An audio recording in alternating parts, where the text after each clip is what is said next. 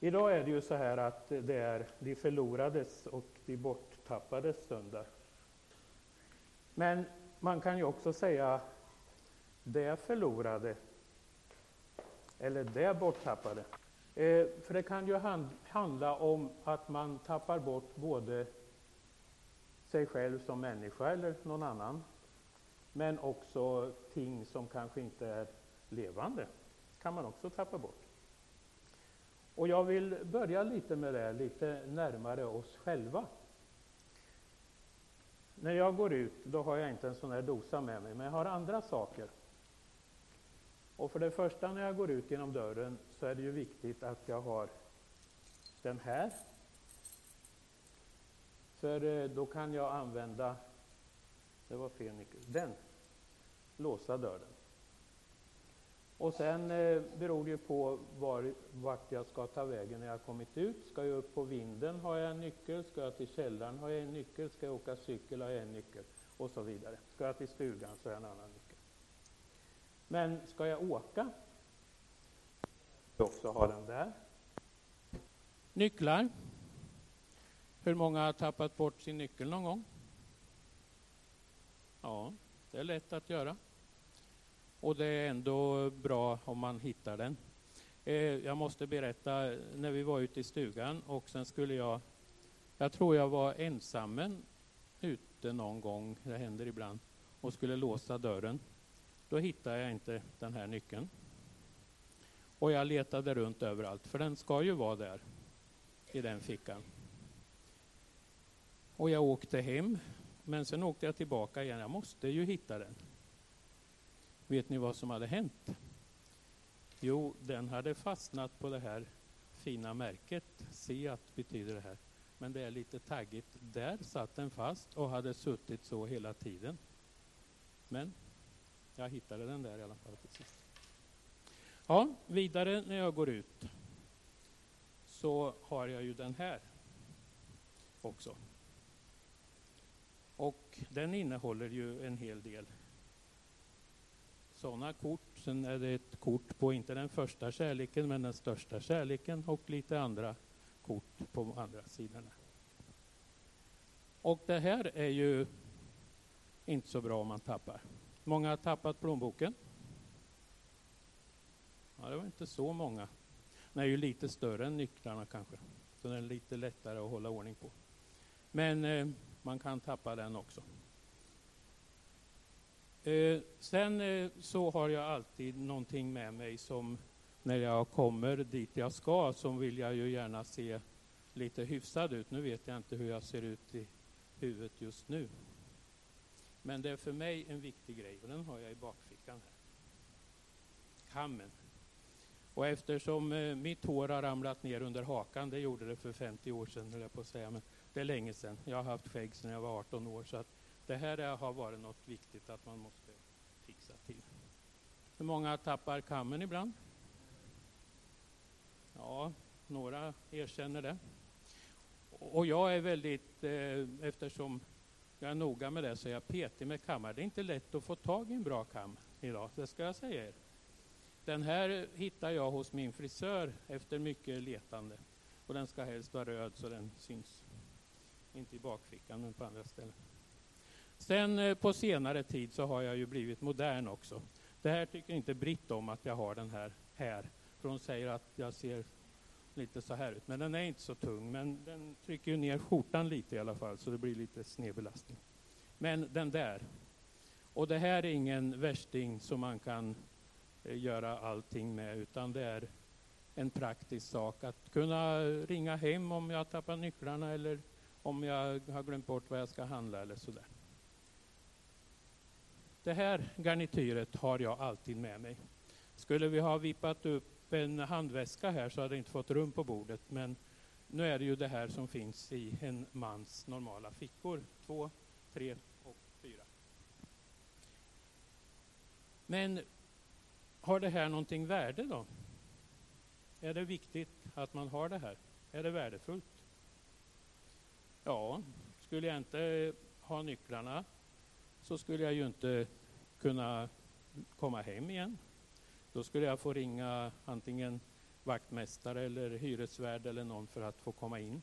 Och sen kunde jag ju inte gå ut och, och låsa om mig om jag behövde efter en stund för då kanske det var tvunget att byta lås eller någonting. Tappar jag den där så kan jag ju inte köra bilen. Tappar jag den här så kan jag ju inte gå och handla. Här på ICA tror jag, för man kan säga att nu glömde jag plånboken så kan vi skriva upp det här. Eh, de börjar bli lite petiga nu men förr gick det väldigt bra. Det var inga problem. Och den här tror jag jag skulle klara mig bäst utan faktiskt. Men sen är det ju, har den här plånboken alltså omhöljet i skinn någonting särskilt värde? När jag undervisade i etik på gymnasiet där jag jobbade tidigare så började nästan alltid de lektionerna med att säga till eleverna att nu om ni går ut så hittar ni en plånbok och vad gör ni med den? Och eh, de flesta var ju så pass ärliga så de sa att den går vi till polisen med eller om det finns någon ID-handling så lämnar vi tillbaka den till den personen. En del skulle väl vara lite tuffa och säga att nej, jag tar pengarna och sen sticker jag och slänger den. Oj, har Britt lagt i en tusenlapp? Tack, det var snällt. ja, man blir överraskad ibland. Men ja, pengarna har vi ju i plånboken. Vi har också det här som kan gälla för pengar. Men hur viktigt är det med pengar egentligen? Ja, vi skulle väl kanske inte klara oss utan om vi inte hade några pengar. Men den här tusenlappen, är den i sig värd tusen kronor? Det här pappret som den är tryckt på, är det tusen kronor? Nej, det är det inte. Utan den här tusenlappen har något som man brukar kalla för ett instrumentellt värde. Alltså den visar på ett värde som den ha, inte har i sig själv. Så eh, den här tusenlappen, den har inte värdet av tusen kronor i sig. Men vill man handla för den och lämna fram den så motsvarar det ju tusen kronor. Och det här är ju lite krångligt med guldmyntfot och allt vad det ska motsvara och sådär. Sen kan det bli inflation så den är inte värd någonting alls. Sen finns det andra värden också. Det finns egenvärde och det finns andra saker man kan sätta värde på. Men då är frågan, de här prylarna, har de ett egenvärde? Nej, jag tror inte det. Men de har instrumentella värden, alltså de har ett värde i sig för att jag ska kunna komma vidare. Sen finns det andra typer av värden, intrinsikalt och extrinsikalt och allt vad det heter. Men det är olika skolor och det ska vi inte bli osams om vid kaffet. Nu vill jag Johan att du visar någonting. Jag kommer att väva in ett eh, kinesiskt ordspråk i min predikan idag. Och den första säger Förlorar du dina pengar, inget förlorat. Och det här är gammalt, så det är klart att på den tiden kanske det inte var så viktigt med pengar. Men idag så tycker vi väl ändå att vi måste ha våra pengar. Och jag menar inte att vi ska tacka nej till lön och till pension och sparkonto och allt sånt här. Men egentligen, vad har pengarna för betydelse? För när vi kommer till stunden vi ska gå in i evigheten, då får vi ändå inget ta med oss dit vi går, så det har inget värde i sig. Så därför kan vi göra så här.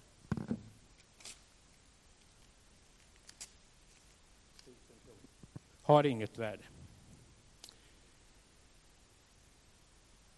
Vi har hört liknelsen, jag tror jag står kvar här. Ser ni mig bra? Ja, bra. Ser ni om byxbenen fladdrar? Nej, tror inte det. De är så smala. Vi hörde Barbro läsa här liknelsen om den förlorade sonen. Men i början av det femtonde kapitlet, som egentligen är texten för idag, så finns det två kortare berättelser just om också saker som är förlorade men som blir återfunna. Och det är ju fåret och det är en silverpeng. När det gäller fåret så är det ju 100 får, ett försvinner och de 99 finns kvar. Men herden går och letar upp det hundrade fåret. Silverpengarna så är det en dam som har tappat den tionde silverpengen. Hon sopar huset och letar och hon hittar det också. Och eh, i de här två första så säger Jesus ungefär så här efter varje. Jag säger er, på samma sätt blir det större glädje i himlen över en enda syndare som omvänder sig. Och tänk då på det här, en enda, alltså det, det ensamma fåret, det är den enskilda pengen. Och så snart kommer vi in på den enda sonen. Han hade en bror också. Så det är det individuella, det är inte kollektivet som är det värdefulla. Men för att återvända då till den tredje liknelsen som vi har hört idag, berättelsen om den förlorade sonen, så kan man fråga sig om det var han som var förlorad eller om han hade förlorat sin far. För han hade ju lämnat hemmet och fadern. Fadern fanns kvar hemma. Så han kunde ju ha gått tillbaka när han ville. Han hade ingen sån här så han kunde inte ringa hem och kolla. Och det här med att barn och föräldrar förlorar varandra, det kan ju hända lite nu och då. Jag hörde faktiskt igår när Eh, Lisa Syrén på det sista Ring så spelar vi som hon hade igår berättade hur hon hade tappat bort sin lillebror på Tempo en gång. Och det var en svår händelse tyckte hon i, i sitt liv. Och det här har väl nästan alla varit med om, att man går på en stor affär, ett varuhus och rätt vad det är så hör man att det ropar att det finns lille Anders här i kassan, han vill ha tag i sina föräldrar. Och sen de som känner igen sig får gå och hämta sitt lilla barn.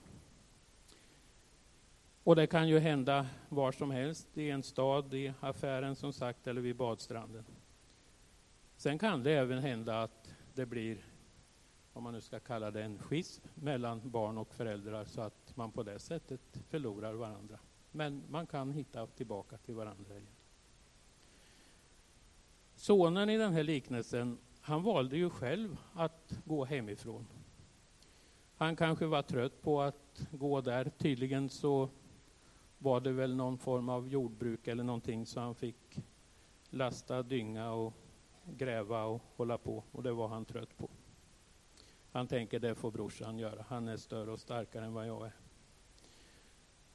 Så han lämnar hemmet, han, han ber att få ut sin del av arvet. Och det står sen också att han sålde allt vad han ägde, så inte bara de tusen lappar han fick av pappa, utan han sålde möbler och alltihopa och sen stack han iväg.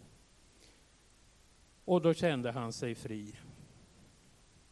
Men var han det egentligen? Jag såg någon reklam för ett tag sedan att där det stod så här Vinner du på Lotto så blir du inte lyckligare. Och jag tror det stämmer. Han eh, kände sig fri, men det var en falsk frihet han hade. För han var ändå bunden vid det här materiella, vilket också visar sig så småningom. Och när jag tänkte på det här så kom en annan tanke att när man tidigare i sitt liv har berättat för någon på en arbetsplats eller så här att man är kristen, man tror på Gud och man tillhör en församling. Jaha, då får du inte göra det och då får du inte göra det och då får du inte göra det. Då tror man att det här innebär att jag är bunden, jag är inte fri. Och den här andra människan då som får göra det här andra, vad det nu innebär, dricka sprit och allt. Nu, nu är det ju mindre sådana saker, syndakatalogen har försvunnit. Men i alla fall så kände den sig människan mera fri än vad jag skulle vara då i det här fallet. Men det är ju också åt fel håll. Det är ju Jesus som befriar oss. Han låser oss inte fast vid någonting. Och det här har jag talat om förr. Jag har en, en bok hemma som heter Det vidgade livsrummet. Alltså man får ett större livsrum när man kommer på den rätta sidan. Men den här pojken i alla fall, han lever sitt liv i främmande land, fri och oberoende i sina egna ögon i alla fall. Men eftersom hans arv har en begränsning, han har inte satt något på Kinda Ydre Sparbank utan han har allt i plånboken. Och han är ju inte tillsammans längre med den som sa att allt mitt är ditt. Så snart börjar de här pengarna att tryta. Så efter ett tag har han inget kvar. Och det är inte bara pengarna som försvinner, utan även de som han trodde var hans vänner försvinner. Han upptäcker att de egentligen inte var några vänner.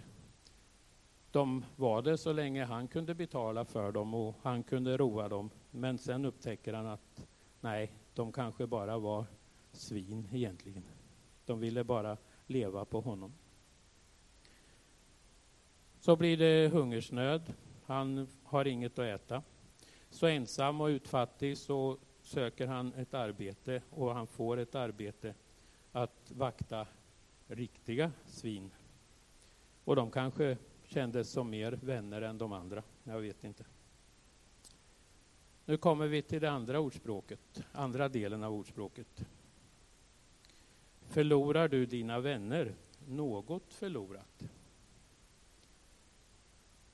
Att ha vänner är ju bra, som man kan umgås med, få hjälp och stöd av. Att vara helt ensam är ju inte riktigt bra i längden, även om det kan vara skönt i vissa stunder.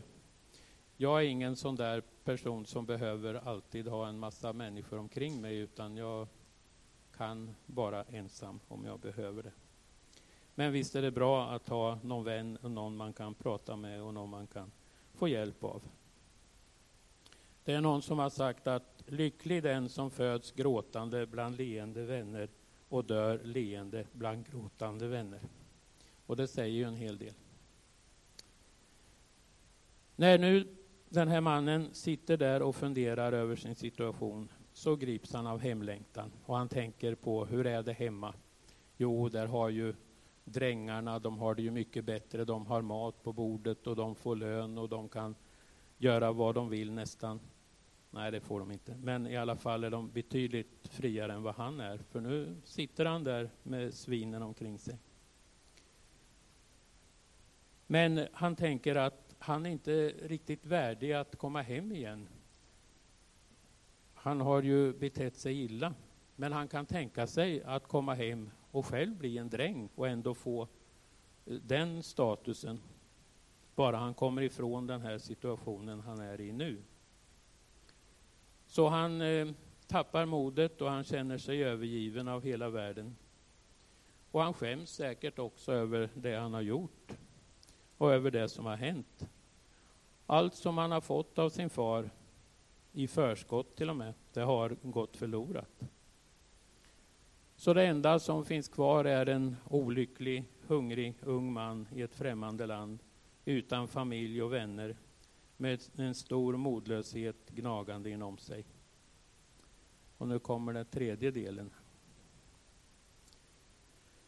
Förlorar du modet, mycket förlorat.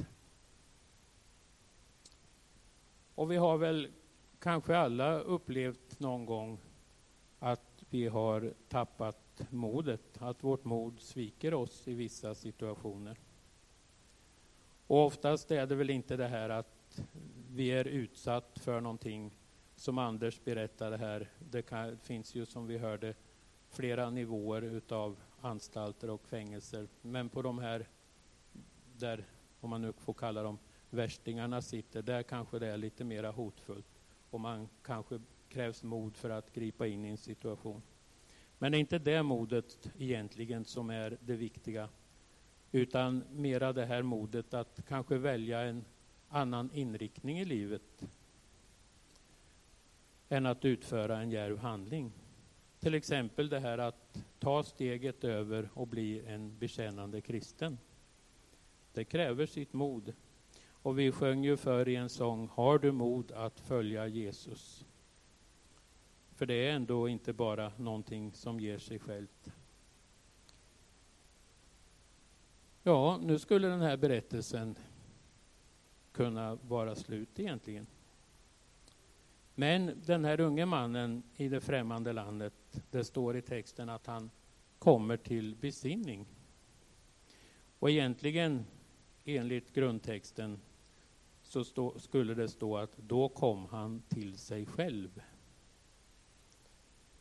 Han kunde lämna de här rollerna han hade spelat, de masker han hade satt på sig tillsammans med de så kallade vännerna.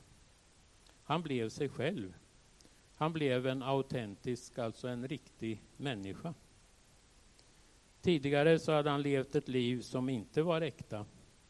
Han levde på det han hade fått, han slösade bort det. Och i det sammanhanget är det inte bara pengarna han slösar bort. Det handlar om helheten som människa, om det vi skulle kunna kalla för livskapitalet. Det finns ett annat sätt att bli fattig på än att göra slut på pengar. Människans existens, hennes personlighet går sönder och upplöses i ingenting. Nöden är inte ekonomisk, hungern är inte kroppens, utan själens. Och då tar vi den fjärde och sista. Förlorar du din själ, allt förlorat. Och vi känner till det här Jesusordet ifrån den gamla översättningen att vad hjälper det en människa om hon vinner hela världen men förlorar sin själ? Och i det här fallet är det inte begreppet själ lika med känslor och psyke utan själen mera som ett uttryck för hela mitt jag, hela min vilja, hela min personlighet. Och vad den förlorade sonen behövde var inte mer pengar, inte nya vänner, utan ny nåd, ett återställt livskapital som kunde ge en ny start igen. Han behövde, för att återgå till det här med värde, ett egenvärde. Och det som är det främsta egenvärdet, det är ju det vi brukar kalla för människovärde. Att en människa har ett oinskränkt värde, hur dan hon än är. En brottsling på fängelset har samma värde som, ja, vad ska vi dra till med i andra änden? Kungen? Ja, jag vet inte om han är så mycket bättre. Men i alla fall, alla människor, oavsett vad man är, vad man gör, om man är sjuk eller frisk, så har man ett egenvärde, alltså ett människovärde. Och själv så såg han sig inte värdefull längre, utan han behövde få det här tillbaka. Men i alla fall, när han är där så fattar han ett avgörande beslut. Och det är att bege sig hem till sin far igen. Och då tänker han väl att det får gå som det går. Och han har ju redan repeterat in en historia att jag har syndat mot dig och mot Gud och jag vill gärna bli som en av dina drängar. Och han närmar sig hemmet och då får han se någonting som han inte kanske hade väntat sig. För då kommer far emot honom med öppna armar. Och de här båda som var förlorade för varandra, de hade återfunnit varandra. Och då blev det fest och det blev dans.